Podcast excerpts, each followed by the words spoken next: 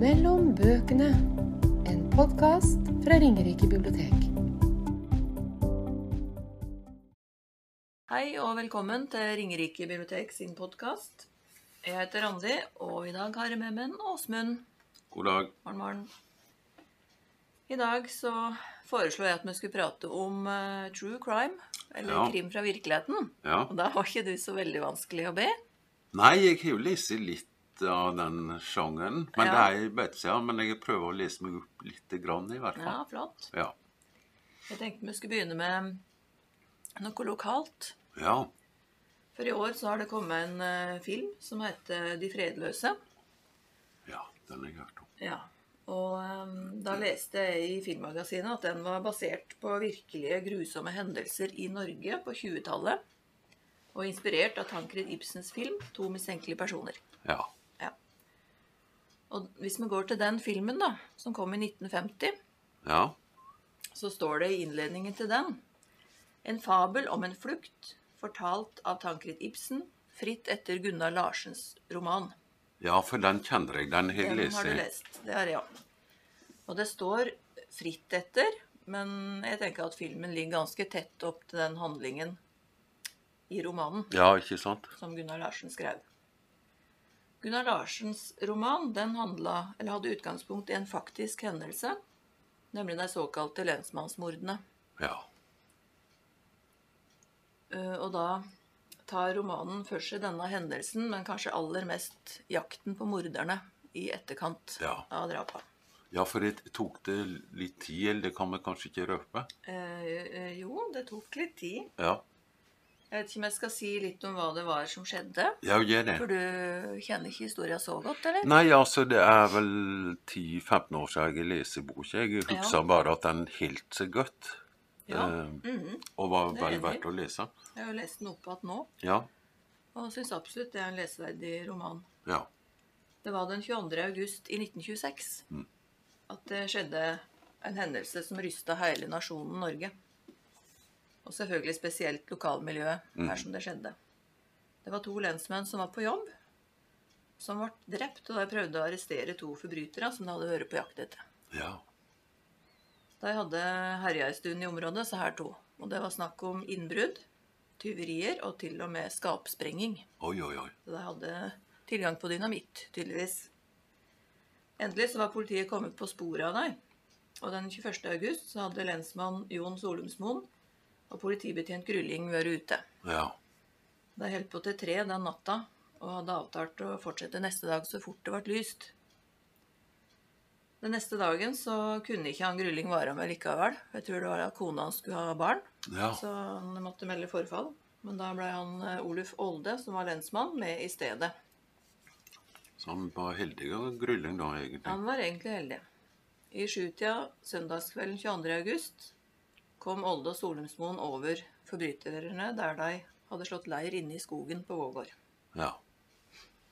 Lensmennene de hadde kun med seg politikøller.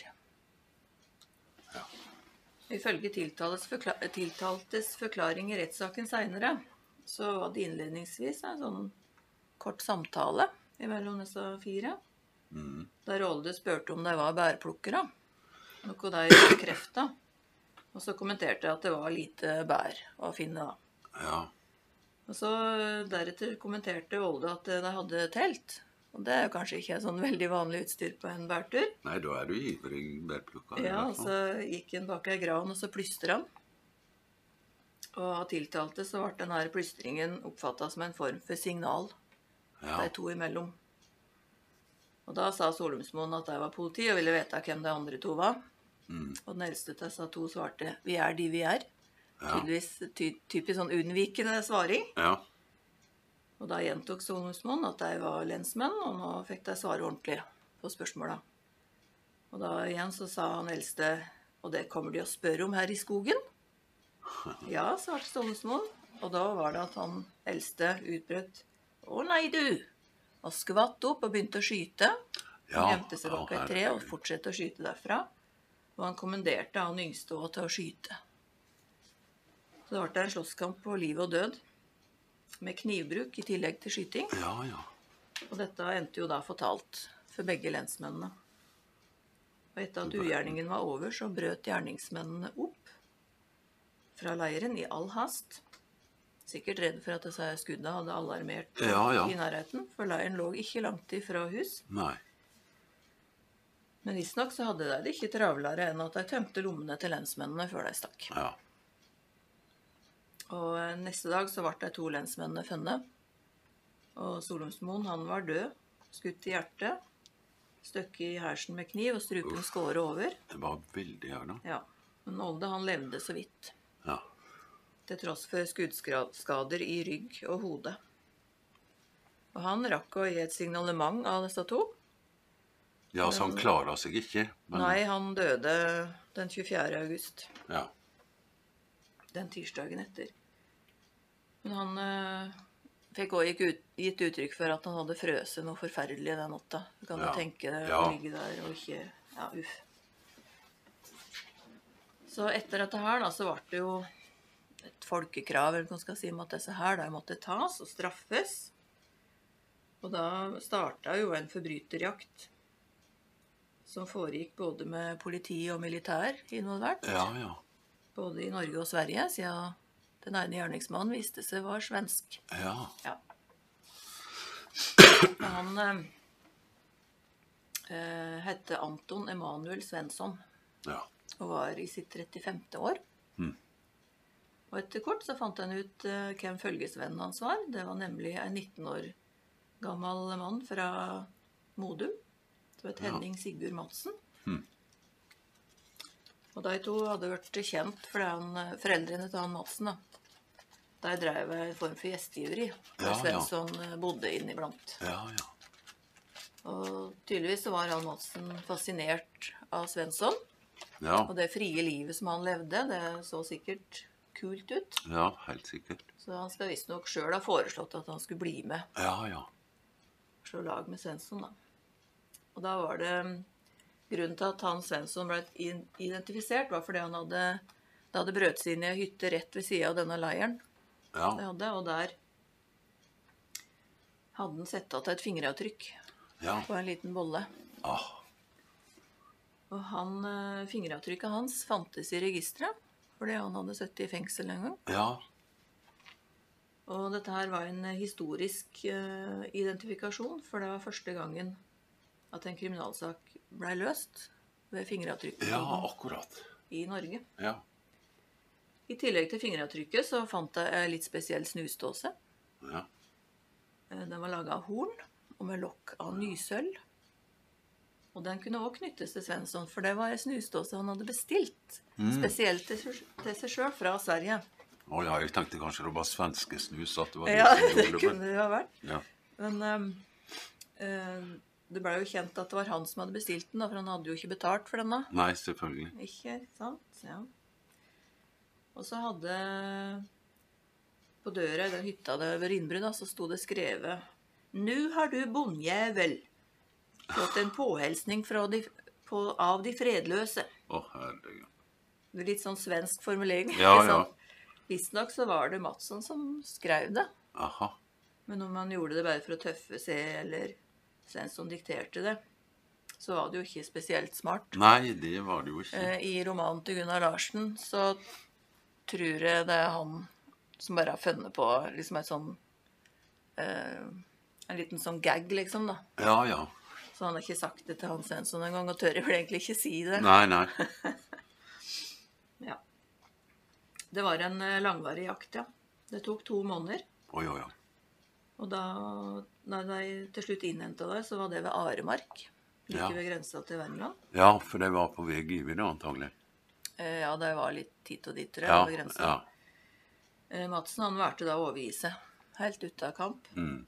Mens eh, Svendsen, han, Svensson stakk av. Han greide det til tross for eh, at han var skutt inn i låret, tror jeg. Ja, Men Dagen etter så holdt jeg på å ta han, men da skjøt han seg sjøl. ja, akkurat. Og dette fikk ikke han Madsen vite om før etterpå, men han mistenkte at det var slik det hadde endt. Ja, For det, han Svensson hadde jo sittet i fengsel før og hadde gitt uttrykk for at heller enn å bli hekta en gang til, så skulle han skyte seg. ah, Mens den her jakten pågikk, så førte jo avisene med. Saken har jo nærmest føljetong i de fleste norske Ja, det vil aviser. jeg tro. Ja. Og da rettssaken starta i januar 1927, så ble den også behørig dekka i avisene. Ja. Og i rettssaken så blei Madsen dømt. Han eh, forklarte seg jo, og det virka som han huska godt og kunne fortelle hvordan det hadde foregått. ja, så han la alle kort på bordet, han da? Det virka jo litt slik. Ja. Men Opprinnelig så hadde han ei historie han fortalte, for det hadde han og svensken blitt enige Ja, om. slik, Hvis ja. de ble tatt, så sånn, sånn, sånn. Ja. Men da han først hadde gitt seg over og visste at svensken var død, så fortalte han jo Mm. sannheten, sånn som jeg tolker det. ja. Og han var veldig usikker på om eh, den skytinga hans egentlig hadde tatt livet av noen som helst. For Ja, han var ikke vant selvfølgelig. med å skyte. Nei. Og det var noe med denne derre skyteren, altså. Ja. Eh, Kula kilte fast og litt sånn. ja, ikke sant. Så han eh, erkjente seg ikke skyldig. Nei. Likevel så ble han eh, dømt til livsvarig, livsvarig fengsel. Ja. Men han slapp ut igjen i 1937. Akkurat. Så ti år da omtrent? Eller Ja, 10, litt i- 11, ja. Ja. Eh, Den her romanen som Gunnar Larsen skrev, den har jo du òg lest. ja. Og han, eh, Gunnar Larsen han var journalist Ja. for Dagbladet, og han eh, førte denne saken ja. for ikke sant? avisa, da, så han Ja. kjente den veldig godt. Ja. Og jeg tenker at den historien sikkert må ha gjort et veldig inntrykk på han. Eller en spesiell Ja, interesse, ja. i og med at han da valgte å, å skrive ei en hel roman om det. bok, Ja. Og den romanen kom i 1933. Og da hadde han gjort grundig research i tillegg til at han kjente saken fra før. Og han fikk òg møte Madsen i fengselet, ja. der Madsen skal ha sagt at om det først skulle skrives bok om dette her, så kunne han gjøre det best sjøl. Å ja, så, Ja. han, ja, Men han prøver gjorde jo da, ja. Nei, jeg tror gjorde ikke han det. prøvde på det. Nei. I 1932 så gikk han Gunnar Larsen opp hele den ruta Ja, som morderne hadde ført. så det var grundig research, Ja, altså. og han sa sjøl om romanen Mm. Ikke noe er oppdiktet. Der eksisterer ikke i hele boken et grantre eller en skigard som de to ikke selv har vært forbi. Nei, ikke sant? Så det er virkelig true crime, dette, altså. Jeg har i høst kjørt mellom 7000 og 8000 km i bil, og har tatt lange fotturer for å rekonstruere alt. Ja, kan du Dette tenke sto deg. i Halden Arbeiderblad. Ja. Det, jeg tenker det er greit nok, det. Ingen skigard og grantre liksom er Nei. oppdikta, for det har jo han sett, alle sammen. Men han har jo behandla det litterært. ja da. Så det er jo oppdikta. Ja i da, den det forstand. er det jo. Og det grepet han har i romanen, det er å fortelle fra de forfulgtes synspunkt. Ja. Og romanen består av to deler. Den første delen er jo lengst, og den heter 'Gutten'. Ja. Og gutten han er i boka kalt Gustav. ja, for det er Madsen, det nå. Ja, det er Madsen. Og i første del så er det han som på en måte har synsvinkelen. Ja, ja. Og i andre del mannen, som kun er en liten del, Ja, så er det hos Svensson-perspektivet ligger. ja. Og han i, i romanen blir kalt for Ekstrøm. ja. Og jeg tenkte Det kan jo ha føltes litt spesielt for deg som leste denne romanen på den tida, med denne vinklinga. Siden den vonde følelsen av urett og gru, den var jo knytta til at to tjenestemenn hadde falt på ja sin post. selvfølgelig. Men slik romanen er skrevet, så blir det jo lagt opp til at Mø kjenner sympati, særlig med den unge gutten, Ja. som en kanskje kan si ble medskyldig ut fra tilfeldigheter og uflaks. Ja. I romanen så er dette her drapet mest en slags opptakt til det som er hovedhandlinga, nemlig flukten. Ja. Og angående tittelen på romanen så og det her uttrykket 'to mistenkelige personer' Ja. Hvis du googler det i, eh, hos Nasjonalbiblioteket i avistjenesten, så ser du det, det er brukt masse, masse. Ja, ja. Fordi folk var livredde for å gå i skogen. Ja, ja, selvfølgelig. Så Ingen lenge kjente de var seg på trygge Nei, ja, nei. før disse her eh, var fakka. Så det florerte, det der uttrykket med to mistenkelige Ja, personer ja. var sett, og de var Ja. inntatt til politi og avhørt og greier. Så jeg tenker at Larsen han syntes sikkert det var en tittel Ja, som men det passet. var en bra tittel, det, Ja. altså. Og den eh, tittelen valgte jo Tankred Ibsen å beholde Ja. på filmen fra 1950. Og den holder seg ganske tru mot romanen, som jeg syns. Eh, og her er det vel bygd enda mer oppunder at vi skal kjenne sympati med den unge gutten. Ja, ja. Jeg tenker at Film kan jo være et medium som kanskje er særlig er egnet til å vekke følelser. eller Ja, hva- det, hva tror du? ja, det vil jeg tro. Når du ser nærbilder av triste øyne i et egentlig ganske søtt, ungt og uskyldig ansikt, Ja, ja, det hva er det. slags følelser får du? Nei, det er det. Og filmen gir oss forståelse av at gutten kjenner seg fanga. Ja. Han er nødt til å bli med den svensken. Men han fryser, han sulter og har det vondt. Egentlig vil han helst overgi seg, men han skjønner at det vil ikke svensken godta. Nei. Så han må bare følge på. Ja. Eh, Madsen han fikk i 1937 bevilling fra Justisdepartementet til å bytte etternavn. Ja. Og eh, han likte ikke at det ble laga film Nei, ikke sant. av denne historia. Nei. Han hadde da på denne tida sona ferdig og hadde starta et nytt og bedre liv. Og han ville være i fred. Ja. Filmen kom altså i 1950. Ja. Så han protesterte og anla sak. Og fram til dommen eh, skulle falle, så ble det forbudt å vise filmen. Du verden. Den skulle hatt premiere andre påskedag det året, men det skjedde ikke. Nei. Og så falt dommen da i desember 1950 i Oslo byrett. Filmen ble forbudt vist. Ble den forbudt, ja? Ja. Dette mente norsk film var altfor strengt. Og dommen ble anka. Ja. Men eh, i 1952 så stadfesta bare Høyesterett dommen. Mm. Og først i mars 1998 ble filmen frigitt. Å, er det så ti- seint? og vist offentlig først i 1999. Du Mm. verden. Og det vil jeg si, på det tidspunktet etter alle de åra, Mm. da vil jeg si at den var mest for spesielt interesserte. Ja, Altså. det vil jeg tro. Den Men, kan men jo- ja. boka heller seg, syns jeg. Ja, jeg er enig. Og nå er den jo altså filma på nytt, for så vidt, da. Eh, Ja. Henrik Martin Dalsbakken, eh, regissør av den eh, nye filmen som heter 'De fredløse'. Og den eh, I omtala så står det 'Den unge Johannes er en stille og introvert gutt som har mistet retningen i livet'. Han strever med å finne tilhørighet i et Norge anno 1920. Mm. En dag møter han den karismatiske svensken Mikael, som tar ham med på en reise gjennom vakker norsk natur, krydret med stadig grovere kriminelle handlinger. Et mislykket togran setter startskuddet for en storstilt klappjakt på de to landstrykerne. Ja. Et togran. Ja, og da jeg leste dette her, så ble jeg jo veldig spent på hvor mye av den faktiske hendelsen, og hvor mye av romanen og den forrige filmen er egentlig igjen. Ja, ja. Ja.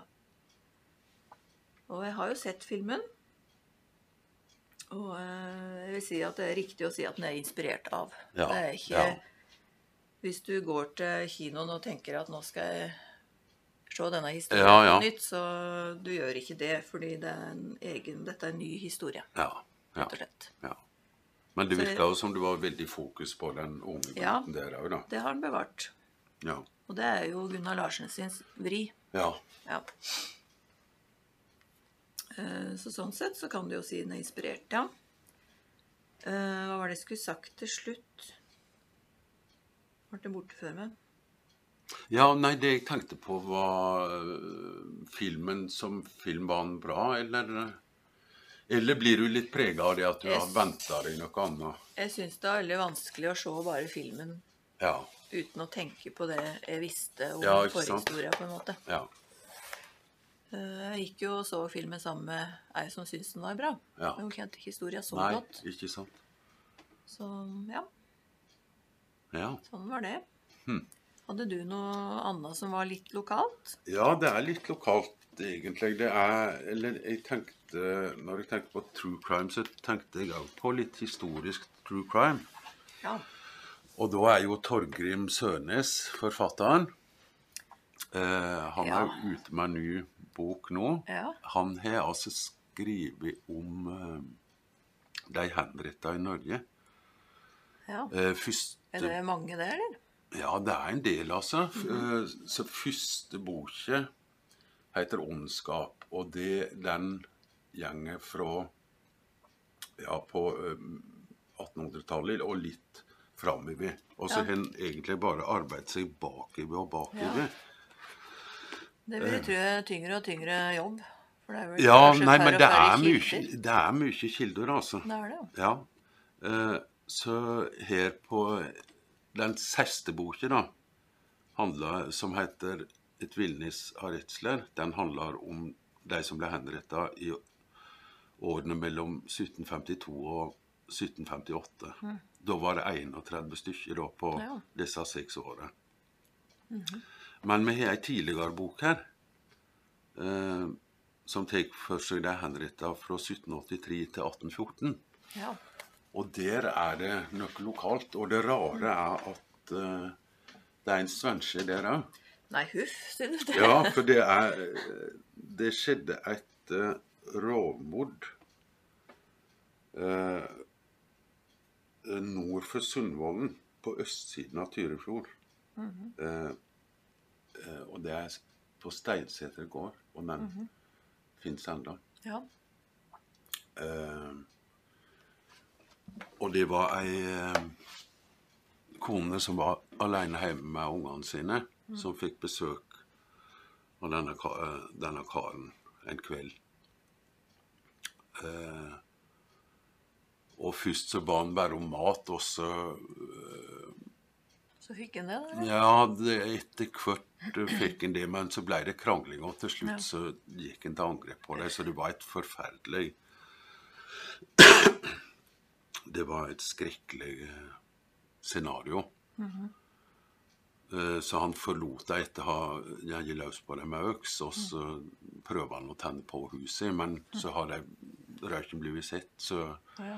de fikk dratt deg ut, eh, og kona levde så vidt, men hun døde etter hvert. Og den, en liten gutt døde. Og, men det var ei jente på tolv år som overlevde. Så hun hjalp til med å identifisere. Ja, Så- Mm. så han var tatt. Ja, han var Ja, tatt. Han ble tatt. Eh, og på den tid så var det jo Da ble det ikke bare fengsel. Nei, det så, var han ble, dødsstraff, ja, så han ble faktisk henretta. Og eh, Altså, han ble halshoggen Mm. og brent på bål. Og det skjedde oppe på Tandbergmoen, altså. Ja, for der er det ei Ja, det er ei galgefuru der, men han ble jo ikke hengt, han, da. Nei, Ja, han det ble er ikke sånn- hengt, nå så er det det var sånn Rettarstad. skafott. Og det sto at eh, det har vært Rettarstad siden eh, 1710. Ja. Så han har jo eh, arbeidet seg bakover i disse bøkene, så det kan godt hende vi kommer fram til Mm. Kanskje Mm. det flere, kommer flere historier. flere historier. Ja. Men eh, eh, dette er, de, jeg syns de bøkene er spennende. og så- det er jo et dystert tema, Det får en si. men måten han skriver på, så forteller det mye om samfunnet òg. Eh, Så det er ikke bare fokus på rettssakene. Han, Nei. han I hvert kapittel så, så setter han det liksom inn i ei ramme.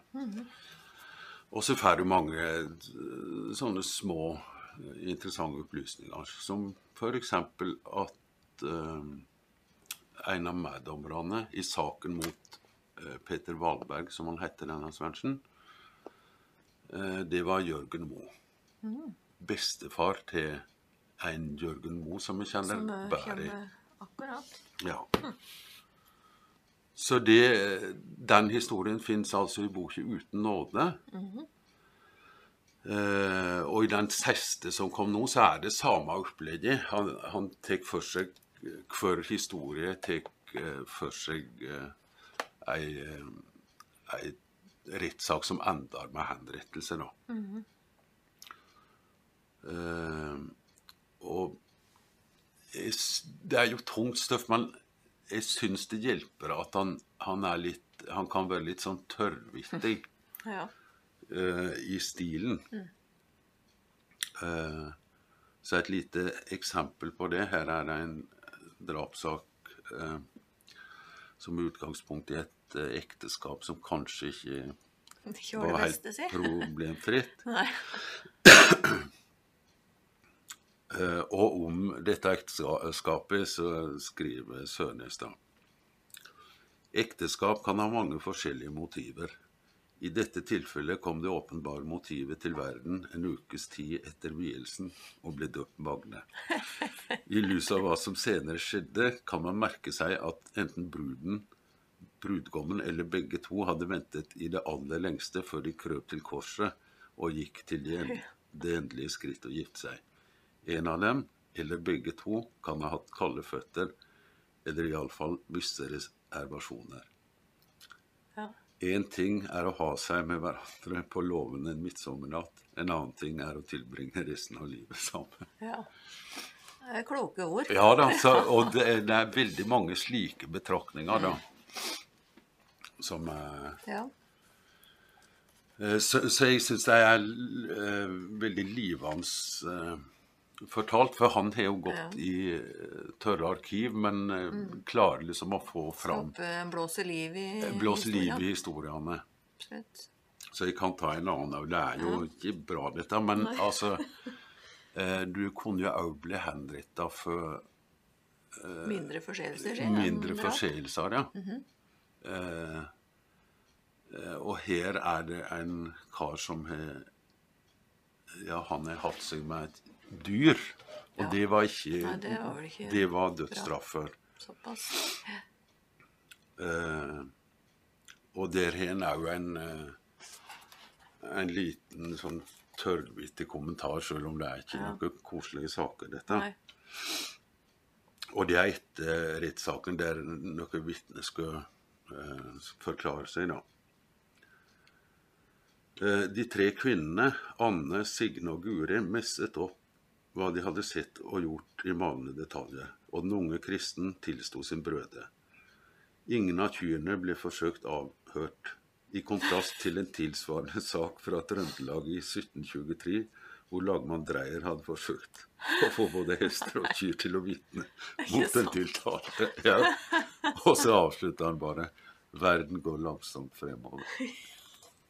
Så, så jeg vil eh, absolutt dette- anbefale ja. disse bøkene Men så har jeg lyst til å lese den. både som historiske dokument og og òg fordi at eh, han, jeg syns han skriver godt, altså.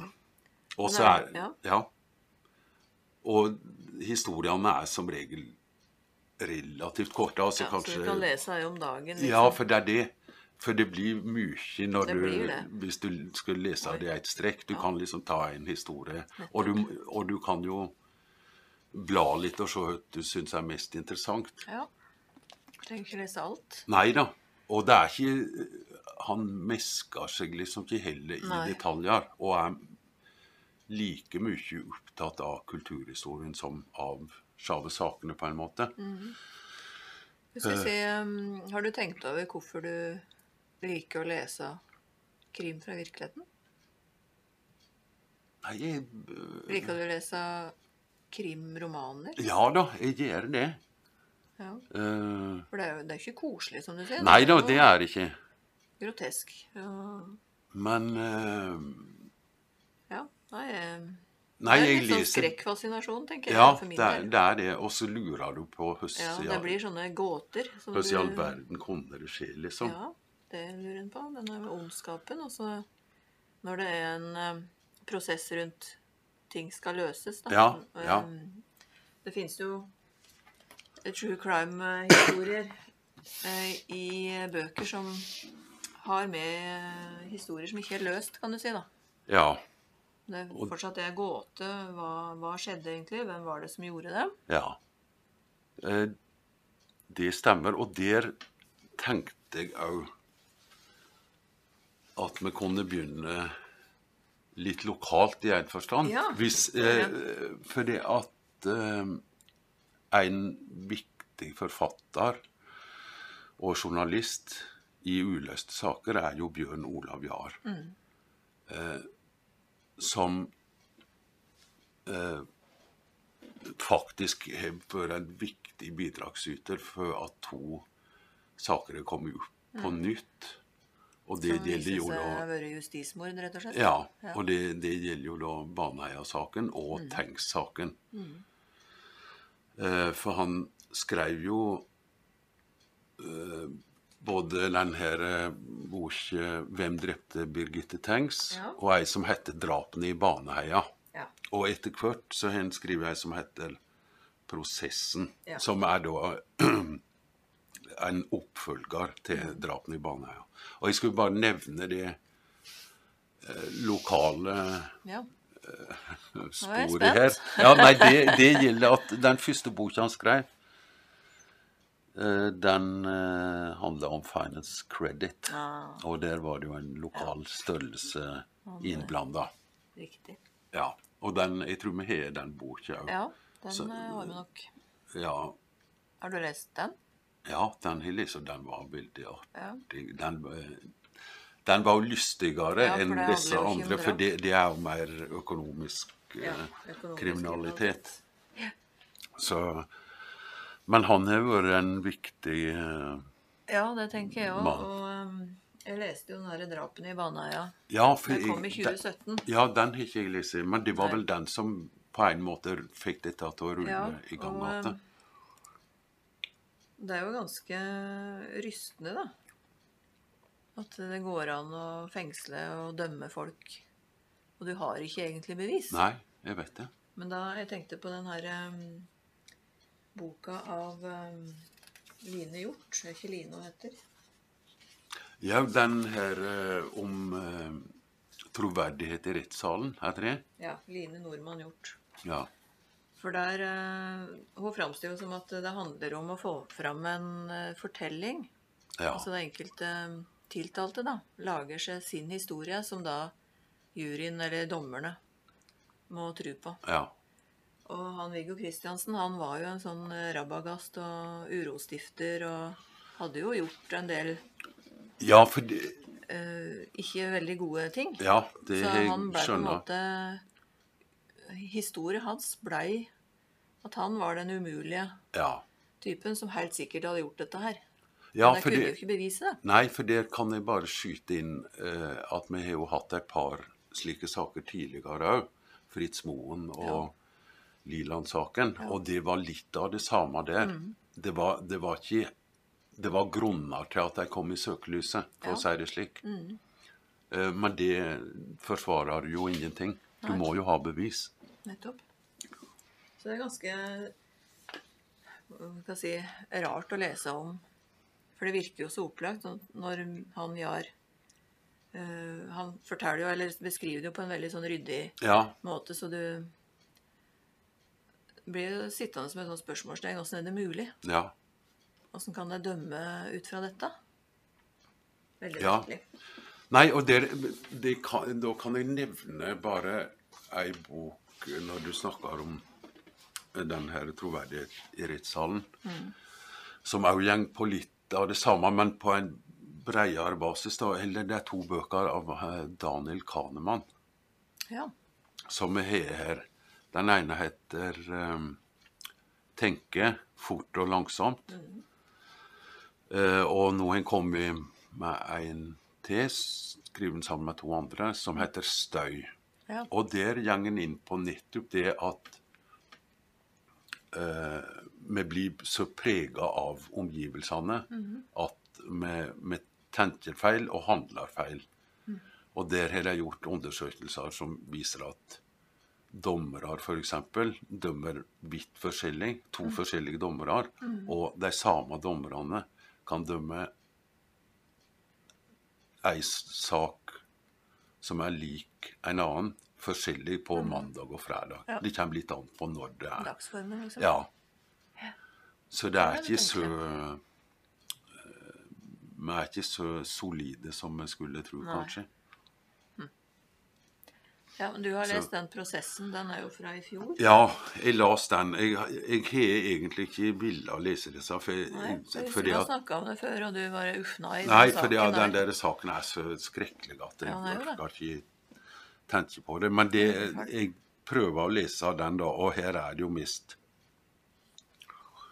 Eh, Ja, det er, det er vel en del gjentagelser fra den før- forrige Ja. boka. Og så Han viderefører det Høts- opp i tid. Eller Ja da. fram i tid, for det Ja. fikk Og jo til slutt medhold i at saken skulle gjenopptas. Ja, det er nettopp det. Så, så eh, var den første boka Høssi, var den sånn litterært sett var den bra, egentlig? Jeg likte egentlig Jeg syns den var lettere å lese, den eh, Baneheia. Ja, den, 'Drapene i Baneheia' heter den. ja, Eh, Jeg syns den prosessen var, var litt mye teknisk rundt spor og Ja, det- DNA-prøver og sånn som jeg sleit litt med å holde følge i. ja for det, at, det er tydelig at her, her skulle en dokumentere alt. Så det, Ja. så det er viktig som et Men det er klart dokument. Han, ja, han er jo veldig grundig og Men, etterrettelig, da. ja, men jeg er enig i at den var ganske tung. Men det jeg liker, blant annet, som gjorde det lettere for meg, i hvert fall, eh, var det at eh, når han kommer inn på sjave handlingene, for det må han jo òg, eh, så advarer han Ja, eh, om at på de neste sidene så, så der kan du liksom velge. det kan du hoppe over. Ja, så det, er- det syns jeg var et veldig bra grep. Ja. Så Men en sak som sikkert mange har lest mye om, det er jo Orderud-saken. ja. For der, eh, der kom det ei bok i 2020 av Øystein Millie og Olav Næss. Ja. Og det, den, det er jo òg en skrekkelig hendelse. ja, det er jo forferdelig, vet du. Men jeg må innrømme jeg syns det er jo veldig spennende med disse sakene som ikke er løst. Ja, for den er jo For det, det er folk som er dømt og sånn, men det er jo forskjellige historier. da. hvis Ja, vi ja, skal ta det er dem. akkurat det. Det forteller, forteller jo ulike ting om hva som egentlig har skjedd. Og alle er vel dømt for drap eller Medvirkning. medvirkning, ikke sant? Så ingen er på en Nei, måte så peka akkurat, ut. akkurat hva som hendte, det er det jo egentlig ingen av oss Nei. som veit. Nei. Det blir jeg litt så fascinert av. Så jeg syns den eh, boka fra 2020, den var sånn ryddig, grei Ja. gjennomgang av saken. Sjøl om sikkert mange har lest mye om den før, da. Ja, men det er jo, den kommer helt sikkert til å live videre i og med at det er så uavklara. Ja, og der er det òg søkt om gjenopptakelse. Ja, det er det vel. Jeg tror Per og Veronica, Ja. begge to eller en av deg i hvert fall, har eh, søkt Ja. om gjenopptak. ja. En annen gammel sak da, som ikke er løst, det er jo den her kvinnen i Isdalen. Ja, ja det er et mysterium. Den, den har jeg faktisk hørt på uh, podkast. Ja, det har, På NRK, tror ja, jeg. jeg har sett en serie Ja. om det, og jeg har hørt podkast, ja. For det er òg en sånn sak du blir ikke ferdig med, på en måte. Nei, for nei. Den er jo ikke løst, og det er et stort mysterium. Det var altså et kvinnelik som ble funnet i Isdalen like utafor Bergen i 1970. ja. Og det liket var kraftig forbrent. Og sist hun her var observert, det var noen dager før, da hun sjekka ut av hotellet. Ja. Etter først et ærend i banken, og der ble hun observert sammen med en ukjent mann. Så var det observasjon av røyk fra naturgårda som gjorde at en fastslo dødsting- dødstidspunktet til kort tid etter at hun forlot hotellet. Altså, det var 23. november det året. ja, så hun var antagelig drept før hun Eller Ja, eller eh, eh, ble hun frakta dit, eller vet dere det? Ble hun fr- Hun må antagelig ha vært kjørt mesteparten av veien Ja. bort dit. ja. Og så viste obduksjonen at hun var dopa ned av sove og, nerve, sove og eller nervetabletter. Og muligens var hun såpass påvirka av det at hun hadde måttet støttes eller hjelpes bort Ja, ja. ut av bilen. da.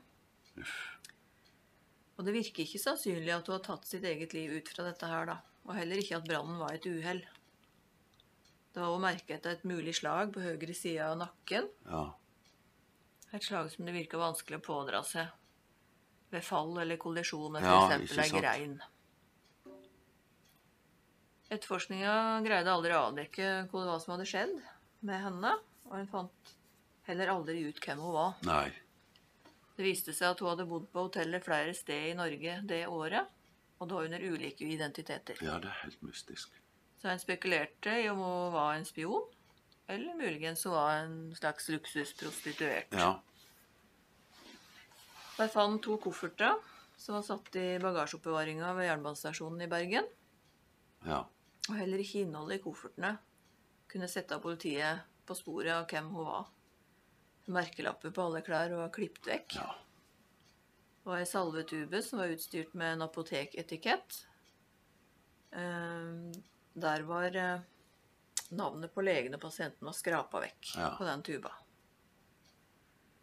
Dette var under den kalde krigen, så Ja. man kan jo Eh, Jeg glemte jo helt å si eh, boka heter 'Kvinnen i isdalen'. Nytt lys over norgeshistoriens største kriminalgåte. Ja. Og Den er skrevet av Dennis Zacker Aske. Og den kom i 2018. Og Den Ja. syns jeg var kjempespennende. Ja. Og det var da jeg ble helt sånn hekta på den saken og måtte høre Ja, for podcaster den, og alt mulig. den syns jeg var Jeg tror det fins ei gruppe på Facebook Ja. rundt denne saken der eh, ja. de som er Ikke sant? interessert, kommer med ulike teori- ulike teorier Ja, på alt ja. mulig rart. Og det er jo ei gåte, da. Hvem var hun? ja. Hvem tok livet av henne? Nei, det Hvordan er, skjedde det egentlig? det, er også, det er slike ting som du kanskje kan få Ja, fordi han eh, i boka her, så har han eh, I slutten av boka, mener jeg, så har han eh, dokumentert masse av de funnene og sånn Ja. fra politirapporter og Så du kan jo sitte og, og gå gjennom det detaljert, og så prøve å tenke det ut din egen Ja, altså- teori da, på hva var dette for noe. Og jeg tenker på hvis DNA-teknologien blir enda bedre, så Ja. kan det hende du kan spore det opp. For jeg kan- jeg kan bare ta en ørliten ting med høss i høss eh, eh, Ting kommer for dagen etter hvert. Ja. For i den her eh, boka 'Uten nåde' av Sønnestad så skriver han Anna Østmo ble halshugget i 1783, bare 29 år gammel, fordi hun hadde drept to av sine nyfødte barn.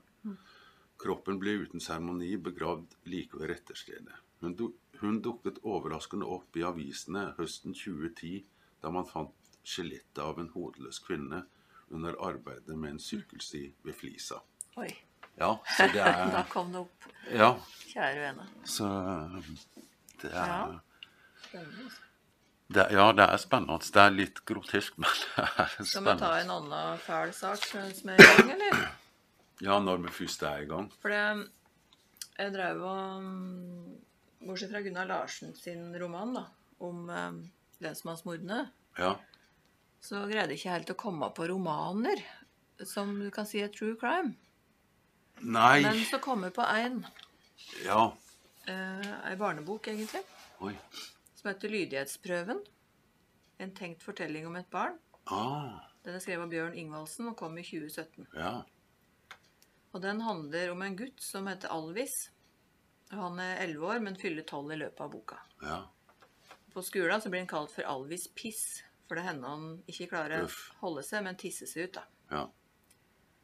Og mora til Alvis har truffet en mann, Duncan, som er arkeolog. Alvis og mora flytter inn til Duncan. Og så er Alvis uheldig og ødelegger noe skikkelig gammelt som Duncan har på soverommet. Og etter det så får han ikke lov til å være i huset aleine, men må Nei. vente utafor etter skolen til Åh. mora kommer. Og da hender han treffer en mindre gutt i sandkassa som han kan leke med mens han venter. Da Ja. går det jo tida fort. Mens andre ganger så går han litt rundt for seg sjøl. F.eks. til blokka der de b- bodde før. Ja. Noen større gutter de sier til Alvis at han skal få være med gjengen deres hvis han ordner øl til deg. Oi. Og Alvis han stjeler øl i butikken noen ganger. Ja, ja. Men det går ikke bra hver gang. Alvis vet veit at det er, det er galt å stjele. Men Så likevel gjør han som guttene sier, for han ønsker seg så veldig venner. Ja, ja. Eh, Denne boka her, den handler jo om et barn som lider av omsorgssvikt. Ja, helt Men klart. mer enn det, da. Det, er jo, det skjer jo uhyrlige ting etter hvert. Uff. Han kommer på skolen med blåmerker. Ja. Og en gang så kommer han til og med armen avbrøt inn. Uff, uff. Og han blir sendt på sykehuset for å få gips. Så blir han stilt spørsmål om hva det er som har skjedd. Ja. Men mora og stefaren, da, da ljug ei historie som han støtter opp om. Ja. Og den den her mishandlingen da, den blir jo aldri oppdaga eller stoppa. Og ehm, Det er jo en forferdelig ond bok. Men det er en veldig godt skrevet bok. ja høsse, men hvordan klarer han å For dette er, er ei ungdomsbok, rett og Nei, slett? det er vel egentlig for ehm, litt yngre enn ja, ungdom. det er godt gjort hvis han klarer Jeg tenker eh, den- å han- jeg tror skrive han om har, eh, slike ting. ehm, tenkt eh, unger som er i samme alder som Alvin? Eller Alvin, Ja, ja, ja. Ja, akkurat. Ikke Den sant? står på sånn ja, U-bøker her hos oss. Ja, ja. Det er en veldig vond leseopplevelse, men da tenker jeg etter hvert at den eh, litterært eh, behandler en sak fra virkeligheten Ja, om han Kristoffer, vet du, som eh, Ja. døde etter han ble eh, mishandla. ja det er jo ei Stefaren. slik eh, bok som jeg eh, Som du ikke vil lese, ja. ikke vil Ja, Nei, jeg skjønner det veldig godt. Ja, for eh, ja, Og nei, den nå har er jo helt nådeløs, tittelen men- eh, 'Jeg tenker nok du skjønner det sjøl'. Ja. Historien om Kristoffer, og det er Jon Gangdal som har skrevet. ja. Og eh, ja, Det det er er jo- mange, mange uheldige omstendigheter som gjør at slike ting ikke blir stoppa. Ja, og det er jo ufattelig på samme måten som disse Nå har vi jo snakka om justismord og slike ting, men det er jo ja. når du ser historien, for jeg kjenner jo historien, så er det jo helt utrolig at det kunne gå Mm. Ja. så langt. Det er helt utrolig. Og jeg tenker begge disse bøkene her vil jeg egentlig anbefale at alle leser. For Ja. Selv om det er veldig vondt, Ja. så kan det være en sånn aha-opplevelse. At eh, kanskje vi bryr oss litt mer. ja. Eh, ikke er så redd for å stikke Nei. fingeren borti ting som Ja. Ja. Fordi det skjer ting i de beste familier, og det skjer ting der du aldri ville tro ja, det. nei, det er akkurat det. Nei, det var eh, dystre greier. Ja, det Åsmund. var dystert, ja. Skal vi slutte en sak som ikke er fullt så dyster, eller? Hadde du flere dystre ting? Nei, egentlig ikke. Skal vi ta enda en dyster ting før vi går på Ja, en litt jeg, jeg, mindre tenkte på, dyster? jeg tenkte på en ting når du snakka om den kvinnen i Isdalen. Ja. Eh, For det var det de utelukka selvmord. Eh, Jeg må Ja. bare ta litt Det er Sørenesatte som har én sak der det er to som har vært ute. Det er vel litt eh, kjeltringer. Og så blir det basketak i båten. Og så skyter den ene den andre ja. rett i hodet. Og så, og så surra han eh, eh, geværet til låret hans, og en stein blir festa så til et han skal tau. liksom Så han dumpa han, da. Illudere et eh, selvmord. Ja, Mhm. og så da Ja, men ikke sant, for han sier ja, han hoppa om bord. Han, eh, han takla ikke presset, så han tok livet av seg. Han hoppa. Ja, Han drukna seg. ok. ja. Men så eh, flyter like opp Det er døra. et kulehull. Ja, med kulehull i panna og et gevær surra til låret. Så det var litt av et selvmord. Det er nesten. vel annet sånn eh, eh, tips når du skal ljuge. Så prøv å ljuge nærmest sannheten. Ja, ja, det var liksom Så akkurat det det. ikke Nei, blir han helt fikk likt, ja. eh, Han kom ikke godt ut av den, altså. Nei, det gjorde ikke det. Nei. Det var vel som fortjent. Ja, det Ja. tror jeg. Ja, nei, jeg ser du har ei bok her Ja. som er av årets.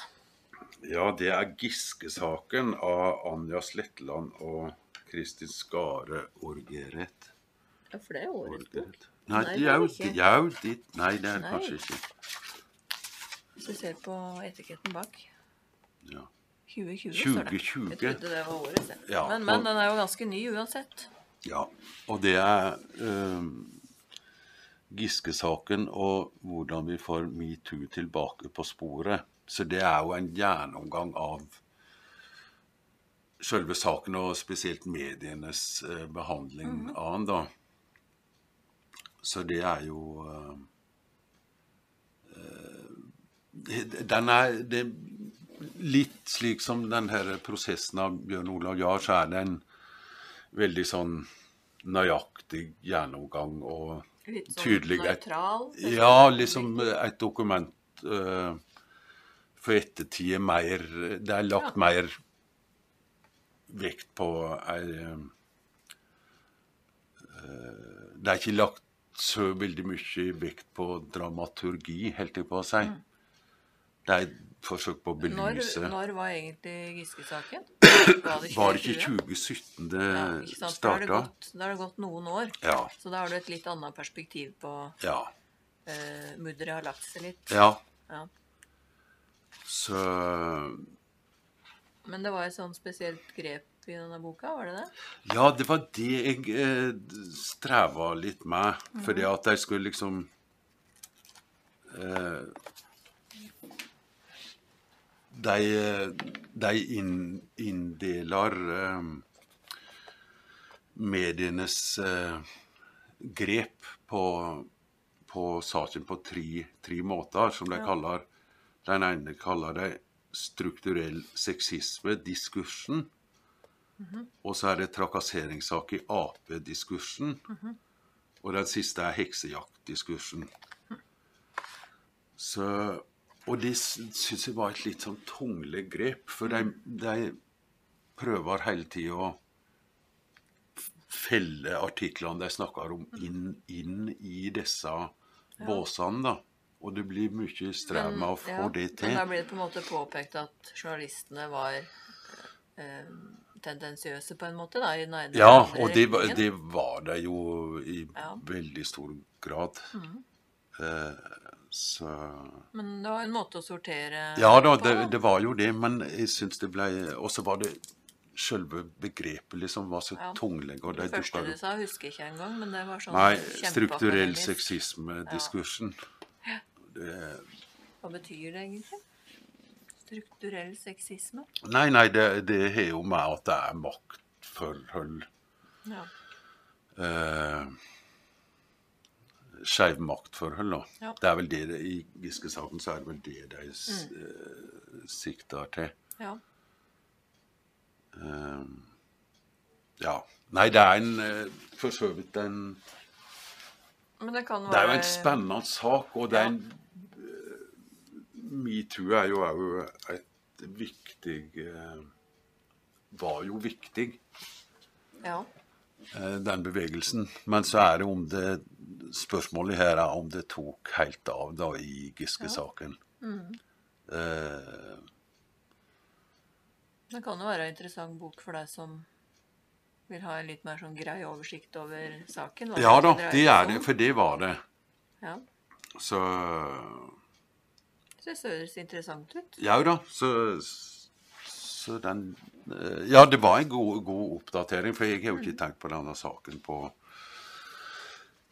siden det skjedde, og da var det jo vanskelig å komme utenom, for da gikk det jo døgnet Ja, rundt. ikke sant. Men det har vært litt aktuelt igjen da, på grunn av han prøver å gjøre Ja da, han har vel gjort sånn delvis eh, comeback. Ja. Så ja. Ja, Nei da, men den gjenger an å lese for å få ei oppdatering på Så det var På altså saken, da. Giske-saken Ja. av Sletteland og Skare Orgret. Ja. Ja. ja. Skal vi runde av med den da? For da ja har det ikke kan vi en- Ja, ja, det kan vi godt gjøre. da får vi bare si god bok, da. Ja, god bok. Du har nå lyttet til Mellom bøkene, en podkast fra Ringerike bibliotek.